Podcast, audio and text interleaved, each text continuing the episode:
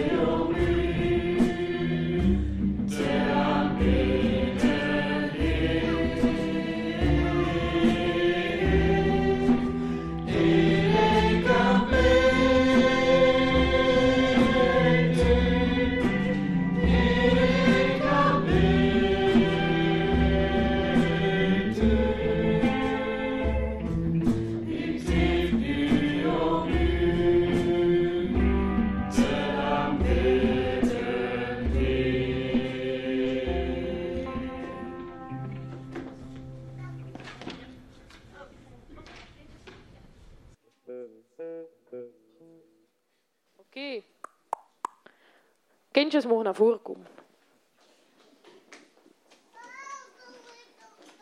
Ja, kom maar zitten in een kring. Probeer maar een kring te maken, dat iedereen erbij kan. Ja. Weet je, het lied van deze maand, het lied van deze maand heet Stap voor stap dat we Jezus volgen. Ik weet niet wat de exacte titel is, maar het gaat erover dat we achter Jezus aangaan. En dat is ook wat wij geloven. Hè? Dat is ook wat ik morgen aan de kindjes ga vertellen, aan de juffen en de meesters. Wij geloven dat Jezus de Zoon van God is. En wij proberen elke dag te leven zoals Jezus het heeft gezegd en wat we kunnen lezen in de Bijbel. En wij proberen achter Jezus aan te gaan. En we gaan het lied van de maand, het is een nieuwe maand, we gaan het zingen vandaag voor de eerste keer. En sta maar recht, want we zingen stap voor stap en dan gaan we met onze voeten stappen. Sta maar recht.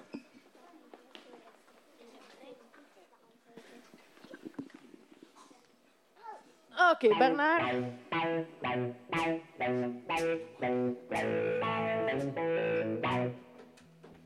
Stap voor stap voor stap voor stap voor stap voor stap voor stap. Kom op, ga je mee, kom op, ga je mee. Blijf niet langer staan. Kom op, ga je mee, kom op. Achter Jezus aan. voor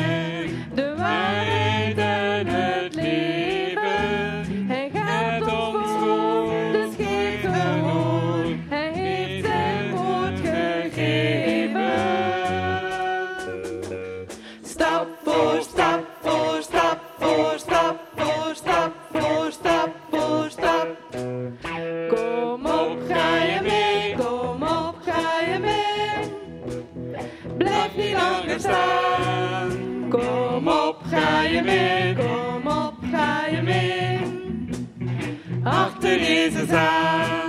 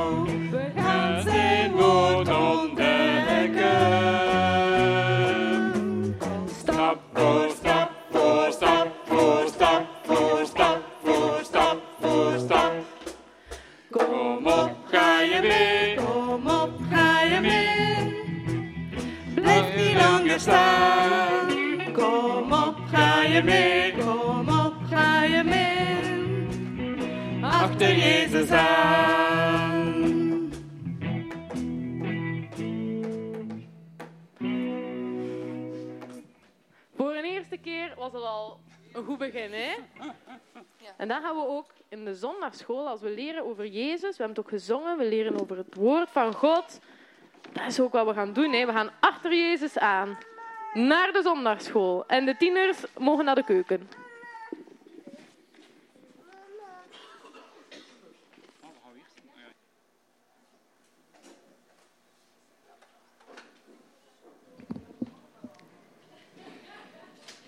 Goedemorgen. Het is reeds enkele maanden geleden toen ik hier uh, voor de eerste keer een preek gaf. En ik heb dat toen geïllustreerd met uh, bijpassend schilderij van uh, een zekere schilder, Everett. En vandaag sta ik hier terug, deze keer voor de tweede keer. En toeval wil dat ook deze schilder er hier een vervolg op gemaakt heeft. Het werk heet, hoe kan het ook anders, mijn tweede preek. My second sermon. Ik weet niet of dat jullie goed zien. nu weet ik echt niet of dat, dat uh, mannetje de predikant voorstelt of eerder de luisteraar. Ik hoop in ieder geval dat uh, mijn uh, preek ietsjes interessanter zal worden. Laat me daarom beginnen met de zegen te vragen. Almachtige God, u willen we vandaag loven en prijzen. U komt alle glorie toe in de hemel en op de aarde. U bent de Alpha en de Omega. Alles rust in uw handen. Zo ook de voorbereiding van deze preek en dit moment. Geef mij, alsjeblieft, Vader, de juiste woorden. Dit tot opbouw van uw gemeente, uw geliefde. Amen. Zoals altijd is het een zoektocht als er, uh, naar een thema als er gevraagd wordt om uh, te preken. En uh, dit keer was het niet anders. Ik was in mijn nachtkastlade aan het rommelen en ik denk dat iedereen zo'n plaatje heeft. Dat is zo'n plaatje waar dat alles ligt. Um, er liggen daar batterijen van mij, uh, een paar afgevallen knopen, handleidingen, de code van een bankkaart, een schroevendraaier, een zaklamp, een vervallen waardebon, stilo's, sleutels, enfin, van alles. En ook dit. Een souvenirke uit Amerika. Een dollar. En toen wist ik, daar ga ik mijn preek over doen. Is er iemand die hier iets speciaals ziet die hem opvalt? Ik weet, het is misschien redelijk klein, maar zeg maar hoor. Ja, in God we trust. Dat, dat staat daar boven in een grote one van 1 dollar. Dus mijn preek gaat niet over Amerika, maar over in God vertrouwen wij. Om te beginnen, wat is vertrouwen? Ja, het woordje trouw zit daarin, dat is, dat is mooi. Maar in de woordenboek, in de Vandalen, wordt dit zo omschreven. Geloof in iemands goede trouw en eerlijkheid. Hm. Vertrouwen, geloof. Nu, de ongelovige wereld waarin wij wonen is gebaseerd op vertrouwen. En zonder dit aspect zullen wij als samenleving hoogstwaarschijnlijk tot een absolute stilstand komen. Denk er eens maar over na. Het is net zo het script van een comedyfilm. S'morgens, je staat op en je durft in een lichtschakelaar niet meer erop te duwen. Want ja, je, weet niet wat dat er kan gebeuren. Hè. De vorige keer was er misschien iets anders dat je in hang gezet hebt.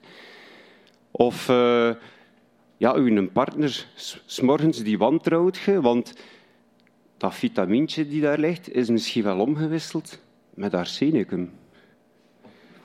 Ja, of uw auto. Durft jij dat nog te vertrouwen? Er kan van alles gebeuren. En ik spreek dan nog niet over wie dat er achter het stuur zit. Onze regering. Allee, we zijn toch zeker dat, uh, dat die met ons belastingsgeld, die steunen oorlog en, en, en frauduleuze zaken. En zo verder. En zo verder. En toch vertrouwen we blindelings ons transportsysteem, de medische wereld, de voedingsindustrie, de onderwijsinstellingen en zoveel meer. En die worden allemaal geleid en onderhouden door mensen. Let wel op, vertrouwen is een vitaal ingrediënt voor het soepel en vreedzaam functioneren van elke organisatie waarbij mensen betrokken zijn. En vooral onder christenen, een gezin, de kerk. Vertrouwen is een belangrijk aspect in ons leven. Maar de vraag is die ik voor de komende week ons wil laten over nadenken is: waarom vinden we het zo gemakkelijk om op mensen en op aardse zaken te vertrouwen? In God we trust, op een dollarbiljet. En hoewel beiden ons heel vaak in de steek laten. Hè?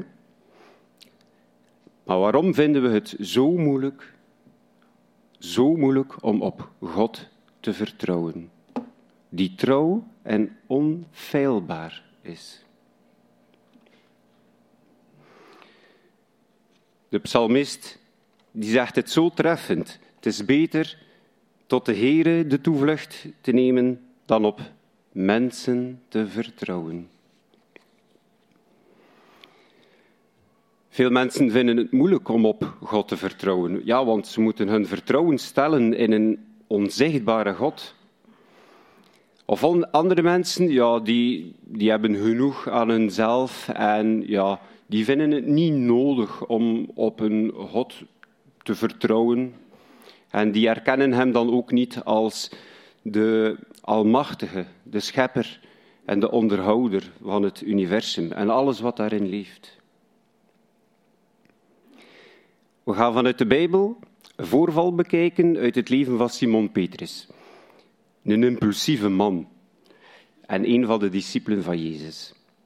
En wanneer we daar even gaan bij stilstaan, zullen we misschien beter kunnen begrijpen uh, wat ook wij in ons leven allez, kunnen doen en ook hoe we de wonderen kunnen ervaren die ook Simon meemaakte. Dit voorval staat opgetekend in Lucas hoofdstuk 5, vers 1 tot 11. Het staat in potscherven of hier op de dia. Ik zal het voorlezen. De wonderbare visvangst. En het gebeurde toen de menigte op hem aandrong om het woord van God te horen, dat hij bij het meer Genezaret stond. En hij zag twee schepen aan de oever van het meer liggen. De vissers waren eruit gegaan en spoelden de netten. Hij ging aan boord van een van die schepen, dat van Simon was, en vroeg hem een eindje van het land af te varen. En hij ging zitten en onderwees de menigte vanuit het schip. Toen hij ophield met spreken, zei hij tegen Simon: Vaar naar het diepe gedeelte en werp uw netten uit om te vangen. Maar Simon antwoordde en zei tegen hem: Meester, we hebben heel de nacht gewerkt en niks gevangen. Maar op uw woord zal ik het net uitwerpen. En nadat zij dat gedaan hadden, vingen zij een grote hoeveelheid vissen. En een net begon te scheuren. En zij wenkten hun metgezellen, die in een ander schip waren, dat zij hen moesten komen helpen. Die kwamen en zij vulden beide schepen, zodat zij bijna zonken. Toen Simon Petrus dat zag, viel hij neer voor de knieën van Jezus en zei: Heere, ga weg van mij, want ik ben een zondig mens. Want grote verbazing had hem en allen die met hem waren bevangen. Over de vangst van de vis, ja, over de vangst van de vissen die zij gedaan hadden. En evenzo ook Jacobus en Johannes, de zonen van Zebedeus, die metgezellen van Simon waren. En Jezus zei tegen Simon: Wees niet bevreesd. Van nu aan zult u mensen vangen. En nadat zij de schepen aan land gebracht hadden, lieten zij alles achter en volgden hem. De scène speelt zich af aan de oevers van het meer van Genezaret.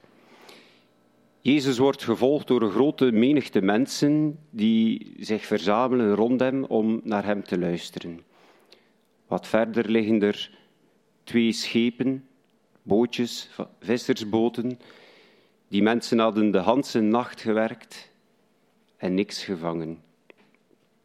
Dat is echt balen. Hè? Dat is, dat is zo'n een, rotdag. Je kunt je dus proberen voor te stellen in welke mentale, emotionele en fysieke toestand Petrus moet hebben verkeerd. En dan komt Jezus en die vraagt om dat bootje wat achteruit te duwen in het water, zodat hij de menigte kan toespreken.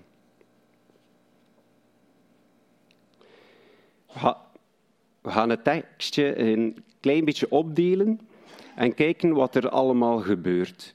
En probeer jezelf ook in een gelijkaardige situatie voor te stellen. Zo'n rotsituatie in je leven. Waar dat je moet zeggen van, ja, nu moet ik echt op God vertrouwen. Zo'n visloze nacht. En dat kan een leerkracht zijn die u het onmogelijke vraagt. Dat kan een ziekte zijn, dat kan eenzaamheid zijn, geldzaken. Dat kan een echtscheiding zijn, moeilijke collega's, onbegrip, een zonde die altijd maar weer belaagt. Vul maar in.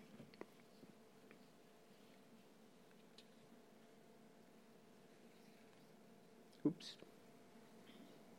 En toen ging het fout.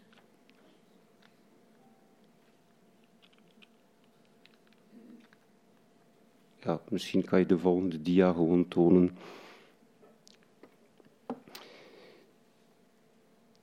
Simon gaf ruimte aan Jezus. We lezen dat in vers 3. Hij ging aan boord van een van die schepen, dat van Simon was, en vroeg hem een eindje van het land af te varen. Het eerste wat we opmerken is dat Simon Petrus bereid was om Jezus op zijn boot te laten. Ik weet niet hoeveel eh, Petrus op dat specifiek moment van Jezus wist, maar hij aarzelde inderdaad niet om Jezus in zijn boot te laten.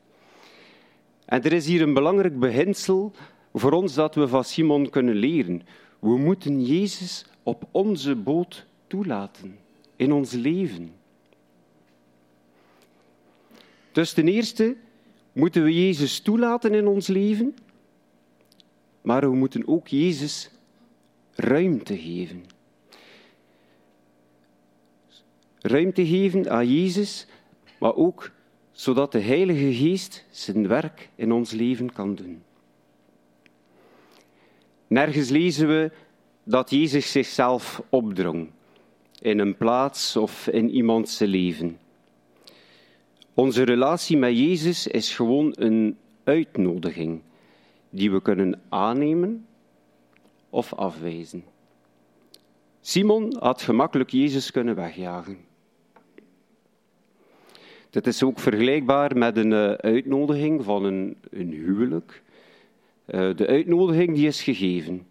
Maar of dat we wel of niet gaan, dat is de keuze van elk individu.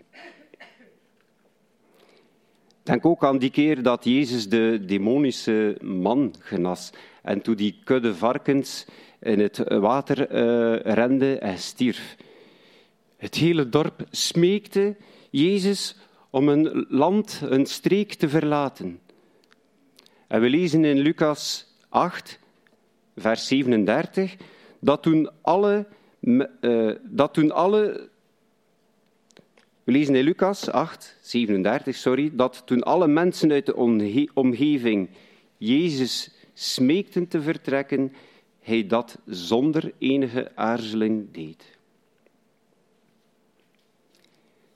Toen Zacchaeus echter inging op Jezus' uitnodiging om naar zijn huis te komen, ging Jezus graag. En het resultaat was dat Zacchaeus' leven volledig veranderd werd.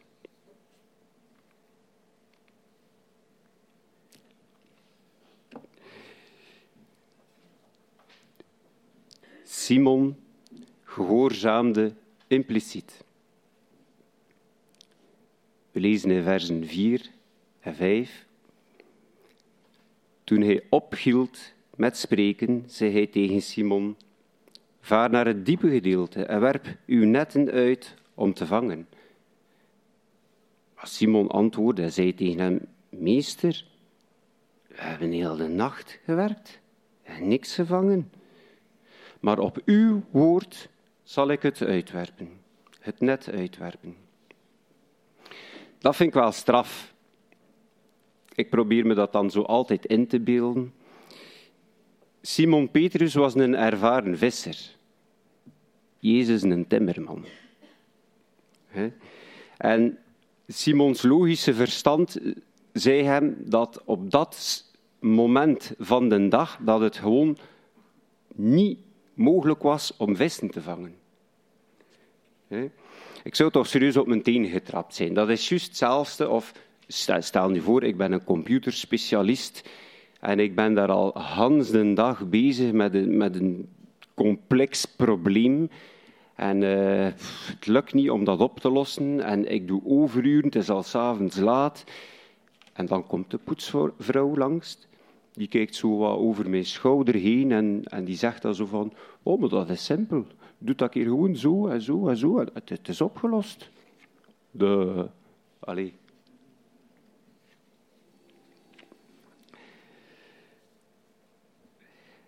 Petrus ook, die had de hele nacht geploeterd. En hij moest totaal uitgeput geweest zijn. Ze hadden zelfs al hun netten gewassen om ze op te bergen? Is het niet verbazingwekkend dat Petrus al die redenen om Jezus ongehoorzaam te zijn aan de kant zet en toch weer ermee instemde om die netten uit te laten? Alleen maar omdat Jezus dat vroeg. Op deze reis van vertrouwen in God is is het zo belangrijk dat we God en zijn woord volledig gehoorzamen. Soms hebben we gewoon geen zin om te gehoorzamen.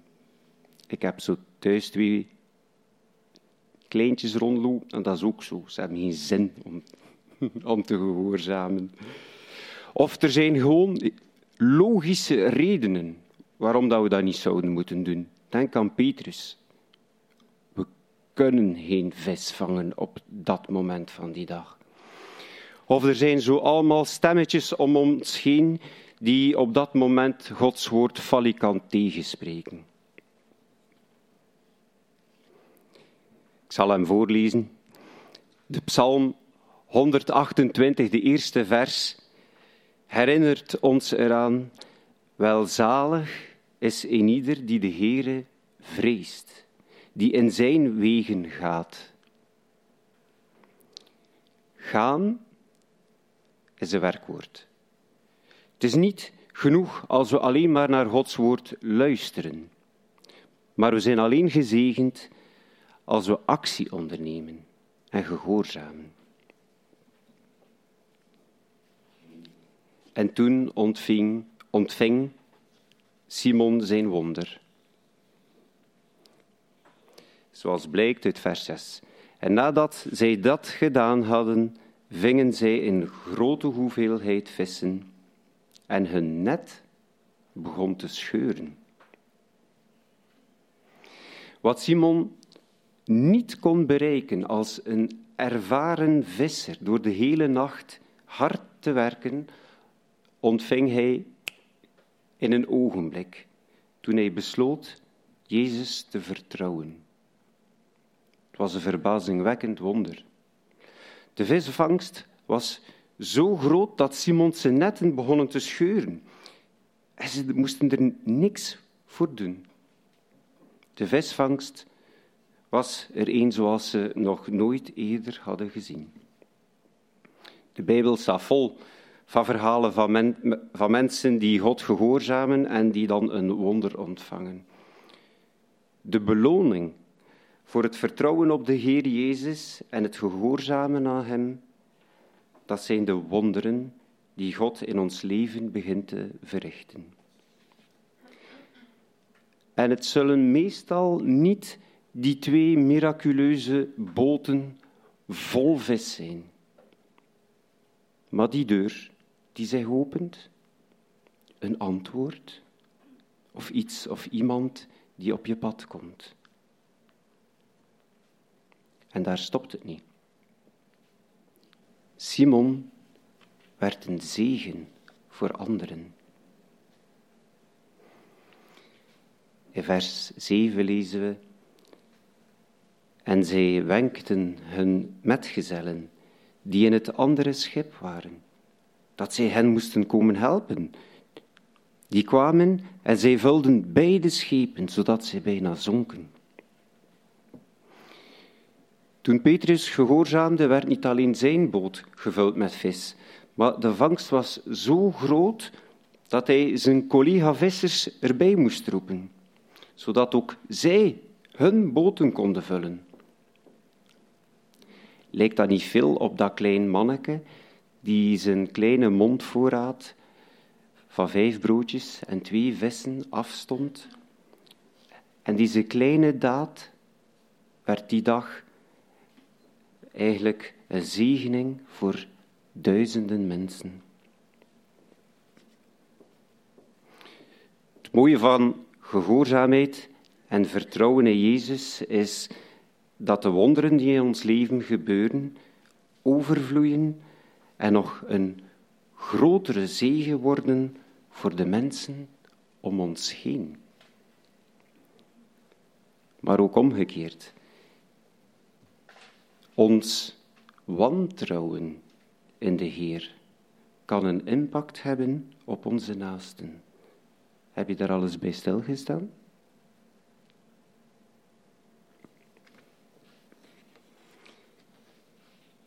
Simon erkende wie Jezus was en besefte ook wie hij was. Toen Simon Petrus dat zag, viel hij neer voor de knieën van Jezus en zei: Heere, ga weg van mij, want ik ben een zondig mens. Want grote verbazing had hem en allen die met hem waren bevangen over de vangst van de vissen die zij gedaan hadden. Toen hij dit verbazingwekkende wonder meegemaakt had, besefte Simon dat Jezus geen gewone man, geen gewone leraar was. Het wonder was het werk van God. En Simon erkende dat hij in de aanwezigheid van de heilige en de almachtige Zoon van God was. Simon, die eerder in vers 5 Jezus meester noemde, noemt hem nu mijn Heer.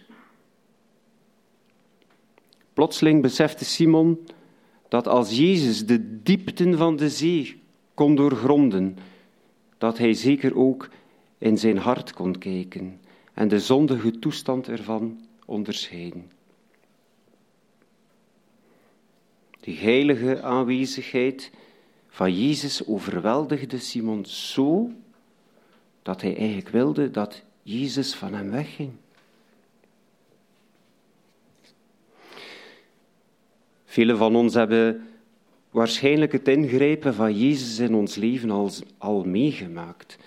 Maar zijn we bereid te erkennen dat Hij de Heer is, onze redder, en degene die zijn leven gaf als losgeld voor onze zonden? Jezus is het zondeloze lam van God dat in onze plaats gestorven is en aan het kruis gegaan is. Hij betaalde de prijs voor onze zonden. Jezus kijkt ook in onze harten. Net als Simon moeten ook wij ons vernederen en accepteren dat we zondaars zijn. We moeten ons bekeren, onze zonde beleiden. Zodat we de gerechtigheid en de verlossing van Jezus kunnen ontvangen. We moeten erkennen wie Hij is. We moeten erkennen wie wij zijn. Simon liet alles achter om Jezus te volgen. In vers 10 en 11 lezen we: Jezus zei tegen Simon: Wees niet bevreesd. Van nu aan zult u mensen vangen. En nadat zij de schepen aan land gebracht hadden, lieten zij alles achter en volgden hem. Niet alleen Simon was verbaasd over dat wonder, maar ook Jacobus, Johannes, zijn collega vissers. Ze waren totaal ontzet. Het was dus niet abnormaal dat toen Jezus Simon opriep om hem te volgen, om een visser van mensen te worden, dat Simon niet aarzelde om zijn boot, zijn netten, zijn beroep en niet, niet onbelangrijk ook die grote visvangst achter te laten. Ook belangrijk, als ik dat stukje lees, Simon wordt gerustgesteld. Wees niet bevreesd. Opeens leek voor uh, Simon alles onbelangrijk en van geen enkele waarde vergeleken met het vooruitzicht om een discipel van Jezus te worden. In Matthäus 16, vers 18 zegt Jezus zelfs tegen Simon, en ik zal u ook, en ik zeg u ook dat u Petrus bent. En op deze Petra zal ik mijn gemeente bouwen. En de poorten van de hel zullen haar niet overweldigen. Jezus riep Simon en noemde hem Petrus, wat rots betekent. Simon Petrus werd de rots en een leider van de vroege kerk, die vrijmoedig het goede nieuws van het evangelie verkondigde, zodat er duizenden mensen door zijn leven, prediking en getuigenis werden toegevoegd aan Gods koninkrijk. Iedereen zou net als Simon Petrus die stap van geloof, of moet ik zeggen, vertrouwen nemen om Jezus trouw te volgen. En om dat te doen, moeten we bereid zijn om enkele zaken te doen. De lijst kan eigenlijk nog veel langer gemaakt worden, maar ik som er gewoon enkele op. Ik zal ze gewoon opnoemen. Zoals Petrus, geef ruimte aan Jezus, zodat hij kan werken. Maak Hem de Heer van je leven. Gehoorzaam Jezus en zijn woord, impliciet. En wanneer je een wonder ontvangt, wees dan een zegen voor anderen. En vergeet ook de wonderdoener niet. Besef wie Jezus is. Besef ook wie jij bent. Geef je leven aan Jezus en vraag Hem je te reinigen van al je zonden. Laat je dopen. Onderwerp je aan Jezus. Wees bereid te doen wat Hij van je verlangt. Neem je standpunt in en volg Jezus. Laat alles achter. Dat kan relaties omvatten, tradities, bepaalde levensstijlen, een overtuiging die je dierbaar is, je werk. Laat Jezus je hoogste prioriteit zijn. Lieve broeders, zusters, vrienden, we stoten op de woelige baren van deze vijandige wereld, maar vertrouw op onze leidsman en wees niet bevreesd. Wanneer we ervoor kiezen Jezus te vertrouwen, zal Hij ons leven volledig veranderen en Zijn grote plannen en doelen in ons en door ons heen vervullen. En nu ging ik terug dat dollarbiljet tonen. Dus hou dat dollarbiljet voor jullie. Maar voor vanmorgen wil ik eigenlijk eindigen met deze. Nee, ik, ik zal niet zeggen een preek, maar ik durf eigenlijk toch wel te zeggen een, een vermaning. Met dezelfde dia die ik ging tonen en dezelfde vraag zoals ik begonnen ben. En het verlangen van mij is om ieder, iedereen hier aan te sporen om diep in je binnenste de eerlijke vraag te stellen. Waarom vind ik het zo gemakkelijk om op mensen en op aardse zaken, geld, andere dingen, om daarop te vertrouwen?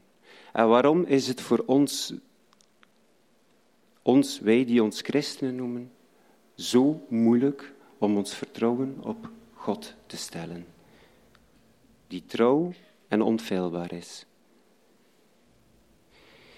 Diezelfde Petrus die zal trouwens later ook nog eens zijn vertrouwen tonen, wanneer hij over het water naar Jezus heen zal lopen.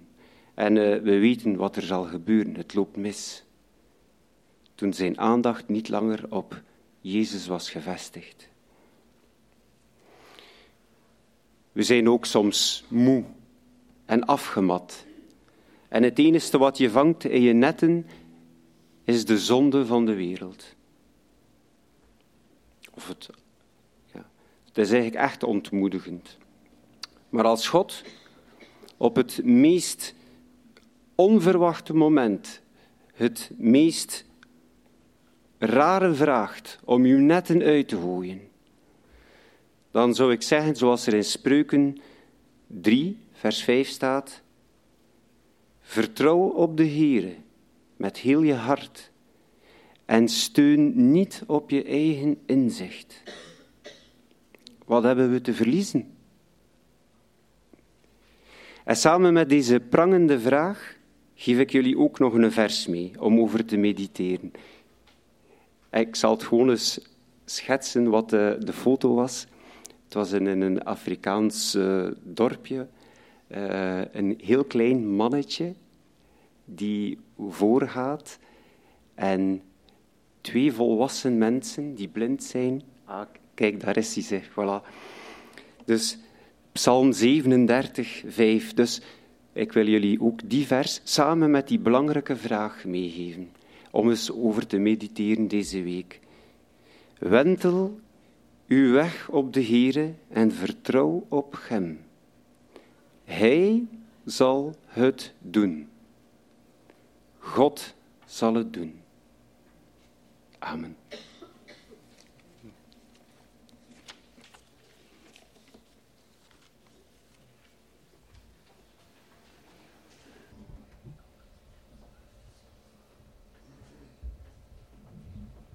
Het lied van de maand, nieuw lied van de maand. Een oud lied. Opwekking 7, Heer God, u loven wij.